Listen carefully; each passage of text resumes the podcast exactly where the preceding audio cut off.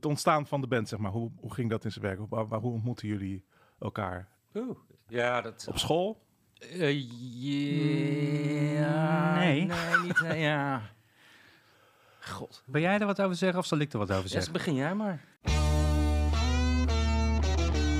Een van Nederlands allerfijnste platenlabels, Excelsior Recordings, bestaat 25 jaar. En om dat te vieren is het de hoogste tijd voor de allereerste Excelsior Recordings podcast, waarin de geschiedenis van het label zal worden verteld. Van Daryl Ann, waarmee het allemaal begon, via de successen van Johan en Spinvis tot Danny Vera en Tim Knol, nemen presentatoren Hanneke Hendricks en Gijsbert Kamer je iedere twee weken mee naar een ander bijzonder hoofdstuk uit een kwart eeuw Nederlandse popgeschiedenis. kunnen papierensrollen van 3000 jaar geleden kunnen we gewoon lezen.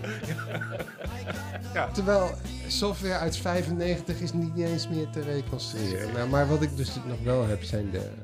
Kijk, eh, dit is eh Smallfilm.